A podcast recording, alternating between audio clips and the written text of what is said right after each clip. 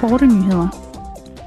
I går i Strasbourg vedtog Europaparlamentet sin holdning til nye regler, der skal reducere risiciene ved kunstig intelligens og fremme den etiske brug af den. Forordningen om kunstig intelligens, der er verdens første omfattende lov om emnet, vil regulere brugen her i EU.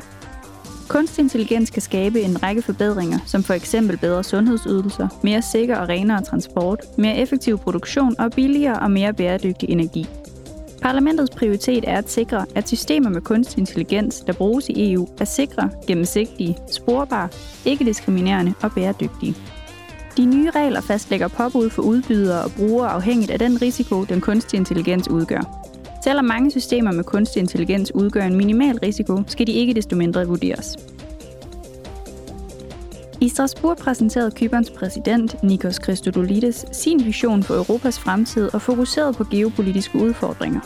Han opfordrede til et forenet Europa, der er i stand til at forandre sig med henblik på at sikre sin plads i verden i fremtiden.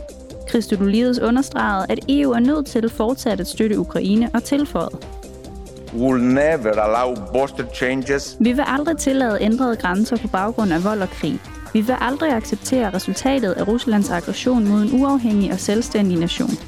Det er et spørgsmål om principper og en prioritet at sikre, at anarki og jungleloven ikke sejrer over international ret og den regelbaserede internationale orden. and the international rule-based order.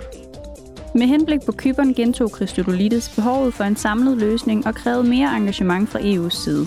Roberta Metsola udtalte i den forbindelse. Europe will never be complete. Europa vil ikke være fuldkommen, så længe Kypern fortsat er splittet. Vi kan bruge EU's styrke til at finde løsninger og en vej fremad.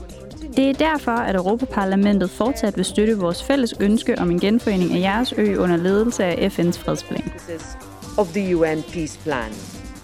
Plenardebatten var den 11. i debatrækken Dette er Europa. For at gøre efterforskninger på tværs af grænserne mere effektive, har parlamentet vedtaget en række nye regler om udveksling af elektronisk bevismateriale mellem retshåndhævende myndigheder.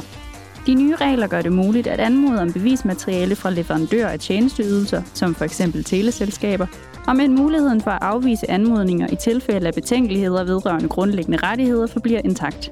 Europakommissionen vurderer, at elektronisk bevismateriale er relevant i 85 procent af alle strafferetlige efterforskninger.